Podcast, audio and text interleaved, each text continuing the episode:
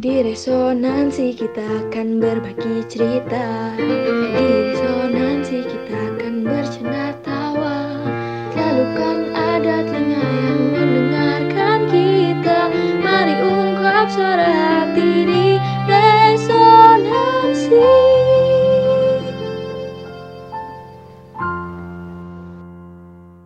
Halo Sobat Resonansi di mana pun berada. Semoga selalu sehat ya Dan apa pun yang dilakukan tetap produktif dan tetap positif. Seperti apa yang sudah kita infokan bahwa resonansi di akhir tahun ini Mengambil rehat dengan tujuan supaya masing-masing dari setiap kru kita Baik saya sendiri Eka ataupun Patrick dan juga Yosefina ya boleh punya waktu yang cukup untuk ya mungkin uh, kembali dengan keluarga begitu ya mematangkan ide-ide supaya di tahun yang akan datang kita hadir kembali menemani sobat resonansi dengan ide yang lebih fresh begitu ya. Dengan visi yang lebih tajam lagi begitu. Dan untuk menemani momen-momen kontemplatif sobat resonansi kan di tahun ini tentunya kita semua review ya uh, selama setahun pencapaian apa yang sudah kita dapat begitu ya hasil apa yang sudah kita raih begitu ya. Dan tentunya makna kehidupan apa sih yang bisa kita dapetin selama setahun ini? Ya, memang masa setahun ini ada ada ada keluh ada kesah begitu ya. Ada ada naik, ada turun begitu ya, ada dinamika yang mungkin kita agak susah untuk share ke orang lain, tetapi kita bisa memaknai itu secara secara pribadi yang membuat kita lebih dewasa lagi menata tahun yang akan datang. Karena kita juga eh, memahami ya kalau hidup itu hanya anugerah dan ya siapa yang tahu bahwa di masa yang akan datang kita masih punya nafas kehidupan. Jadi setiap waktu tentunya kita hanya bisa mengucap syukur ya. Oke, di kesempatan kali ini saya akan mengisi momen-momen kontemplatif Sobat Resonansi dengan storytelling. Jadi nah, minggu ke satu, kedua, ketiga saya akan isi begitu ya. Tapi dengan uh, format yang berbeda-beda. Dan di kesempatan kali ini saya akan menceritakan sebuah kisah. Nah, sebelum menceritakan kisah ini, mungkin boleh disiapkan dulu tempat duduk yang nyaman, uh, minuman sebagai pendamping dan sedikit camilan mungkin ya di momen kontemplatif ini. Sudah? Jika sudah, inilah ceritanya. Suatu kali ada seorang CEO ternama ya dengan perusahaan yang besar yang dia sudah dirikan sejak lama dan ya kali ini usaha dia bisnis dia sedang melambung tinggi. Satu kali teman-temannya mengajak dia untuk mengikuti kegiatan berdoa bersama begitu ya. Namun sayang sekali semua niatan baik teman-temannya itu dia tolak mentah-mentah dengan alasan dia sibuk dan dia tidak punya waktu untuk melakukan kegiatan tersebut. Kemudian, keesokan harinya, dia juga dihampiri oleh anak-anaknya yang meminta dia untuk menghadiri acara sekolah kebersamaan bersama dengan orang tua. Dan alangkah sangat sedih mendengar jawaban orang tuanya tersebut bahwa ternyata sang CEO menolak juga ajakan dari kedua anaknya tersebut. Tidak hanya sampai di situ ternyata. Ketika dia diajak oleh istrinya untuk menghadiri acara keluarga yang ya sudah lama dia tidak lakukan begitu ya. Dia juga menolak dengan alasan sibuk bahwa ada banyak meeting yang dia harus jalani, yang harus dia ikuti begitu ya. Dan waktu pun berlalu sedemikian cepat. Hingga satu kali di tengah kesibukannya, dia tidak bisa tidak harus mengikuti medical check up karena dia selalu mengeluh untuk rasa sakit di dadanya yang sangat mengganggu aktivitas dia. Akhirnya sobat resonansi dari hasil tersebut ditemukan bahwa ternyata ada sebuah sel kanker ganas yang menggerogoti dia dan dokter mengatakan bahwa waktu sang CEO tidak lama lagi. Mendengar semua itu, sang CEO sangat kaget ya.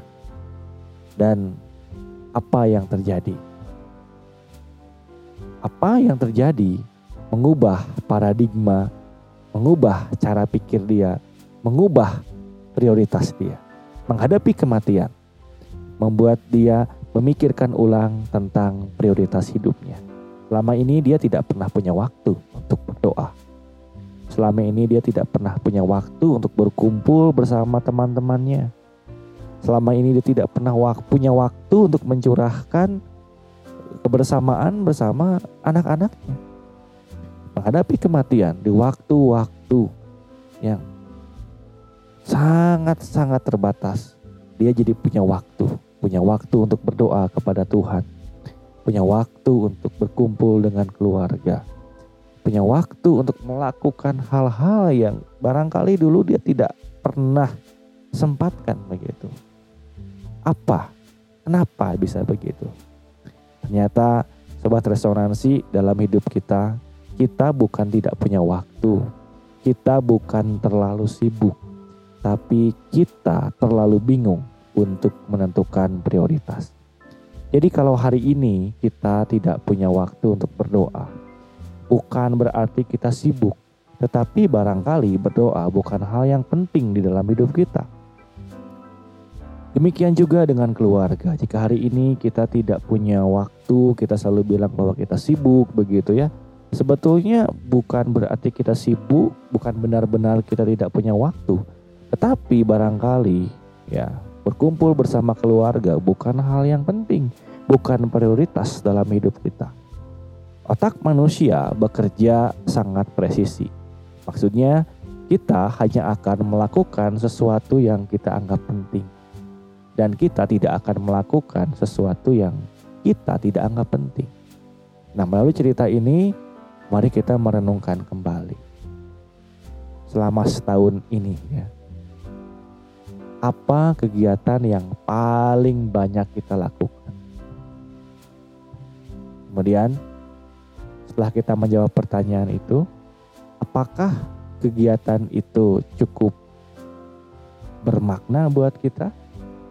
Karena ternyata kita sudah investasi waktu sangat banyak.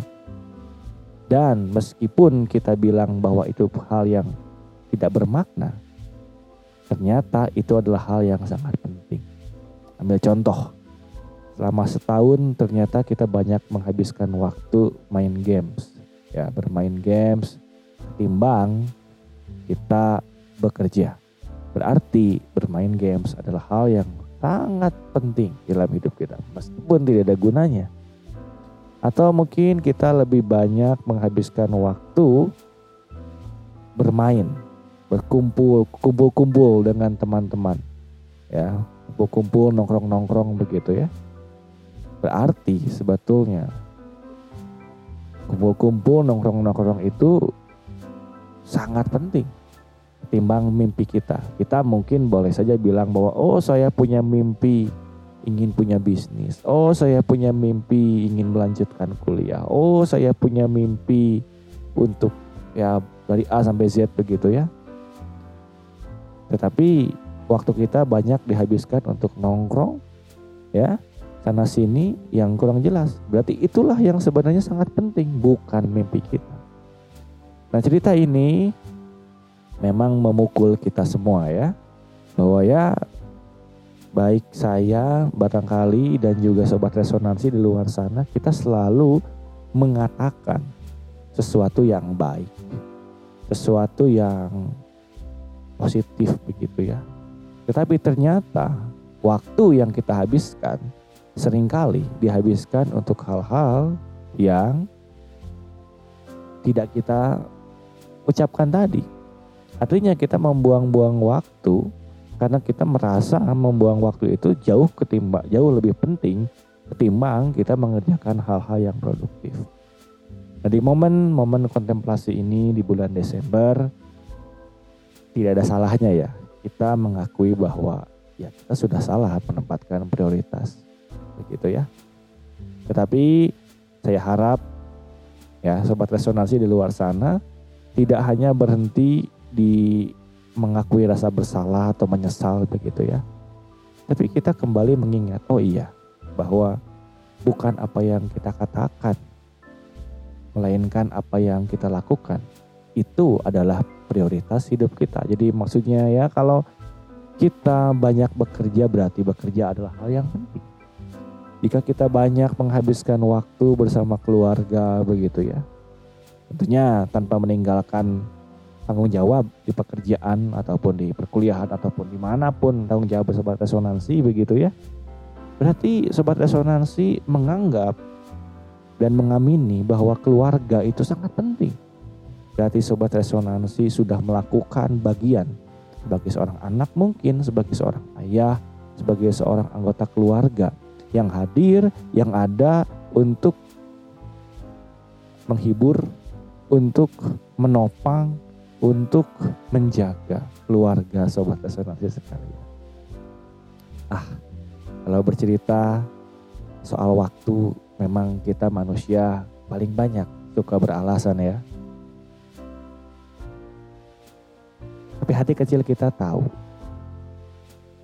Terlepas daripada hati kecil kita tahu, sebetulnya orang lain bisa melihat dari alokasi waktu ya yang kita punya kepada apa dan yang mana yang paling banyak yang kita lakukan itu adalah prioritas kita. Jadi di tahun depan jangan sampai ya waktu kita dihabiskan oleh sesuatu yang secara alam bawah sadar kita anggap penting tapi sebenarnya nggak ada hasil. Sebenarnya bukan itu yang hati kecil kita inginkan. Akhirnya cerita ini ya mengajak kita untuk tidak sekedar mengulang-ulang ya mengucapkan mimpi kita, keinginan kita. Tapi membuat kita memikirkan ulang ya untuk betul-betul mengalokasikan waktu untuk betul-betul punya prioritas di dalam hidup kita dan prioritas itu jangan sampai salah. Jika sang CEO ya yang ternama itu harus menyesal ketika dia menghadapi penyakit kanker dan dia merasa bahwa sisa hidup dia itu sangatlah bermakna karena ternyata ketika dia bertemu dengan keluarganya menghabiskan waktu begitu ya ada banyak hal yang yang dia sesali begitu. Ketika dia berdoa begitu ya menghabiskan waktu berbicara kepada Tuhan begitu ya. Dia memahami ternyata ada banyak hal yang selama bertahun-tahun begitu dia telah lewati. Tentunya setiap kita punya momen yang berbeda untuk memahami, mengerti prioritas waktu. Namun titipan saya semoga kita lekas menyadari, semoga kita lekas mengerti tanpa harus mengalami sakit terlebih dahulu, derita terlebih dahulu, dan waktu yang sangat sempit terlebih dahulu. Kiranya di usia muda kita, kita boleh memperhatikan diri kita ya maksudnya diri kita di sini keluarga ya. Kesehatan kita juga karir kita juga. Yakinlah percayalah kita tidak pernah terlambat. Karena sang CEO pun meskipun terlambat tapi dia tidak merasa terlambat. Dia merasa bersyukur untuk momen yang telah dia terima. Untuk momen di mana dia boleh mengingat boleh mengulang, boleh mereview kembali atas prioritas hidup dia. Oleh karena itu, di mana pun berada, pesan dari resonansi Anda tidak pernah terlambat untuk kembali belajar memaknai hidup. Selamat beresonansi dan di mana pun berada, semoga waktu-waktu di akhir tahun ini menjadi waktu yang semakin bermakna di mana kita boleh menutup akhir tahun ini dengan penuh ucapan syukur dengan penuh kemenangan. Resonansi cerita satukan kita.